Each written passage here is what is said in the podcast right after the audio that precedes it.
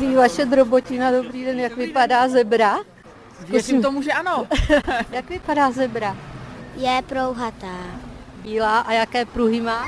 Černé. A líbí se ti to zvíře? Ne. Mami, a mě líbí žirafa. No výborně, tam taky půjdete, tak děkuju. To jsou uh, zebry stepní Bémovy a tohle jsou ty velmi zácné zebry stepní bez hříve. Vidíte, že některé mají kratičkou řívu, to jsou samice, a samci zeber bez v dospělosti nemají hřívu vůbec žádnou.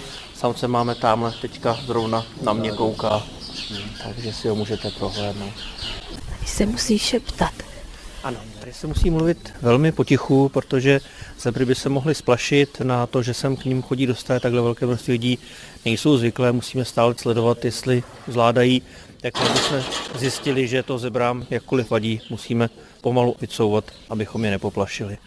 Zebry jsme viděli, návštěvu přijali klidu a v pohodě, ale povídat jsme si šli s panem Josefem Hotovým úplně někam jinam k žirafám, protože tady je kulisa pro rozhlasáka přijatelná.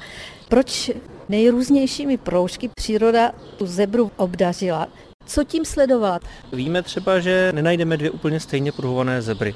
Takže podle pruhování, zejména mládě, může snadno poznat svoji samici, svoji maminku a naopak samice pozná svoje mládě nejenom podle čichu, ale i podle vzhledu. Pruhování pak má i praktické významy. Tím, že se nerovnoměrně prohřívá černá a bílá barva, vzniká mírné proudění kolem zebřího těla a pomáhá to zebře k ochlazování, když na zebří stádo zautočí třeba lvy, tak jak se rozeběhnou a míhají se ty pruhy přes sebe, no než ji znovu najdou, tak uplyne třeba i několik vteřin, které mohou roznout o životě a smrti. No a v neposlední řadě je to velmi účinné proti mouchám. Z jejich pohledu vypadá pruhované zebří tělo jako mírně zvlněná vodní hladina. No a protože na vodní hladinu nedosedávají, tak i méně obtěžují zebry. A zebry venku ve výběhu budeme vidět až na jaře? To jestli nejenom zebry, ale i jiná africká zvířata chodí nebo nechodí ven, závisí na počasí.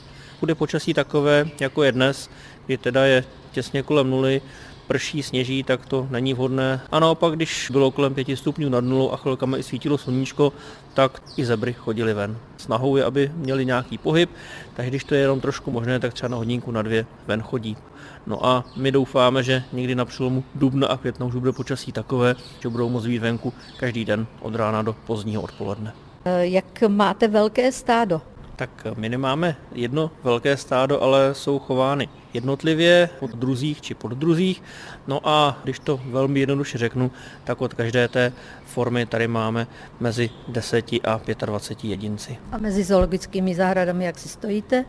Tak jsme nejúspěšnějšími chovateli zeber v Evropě.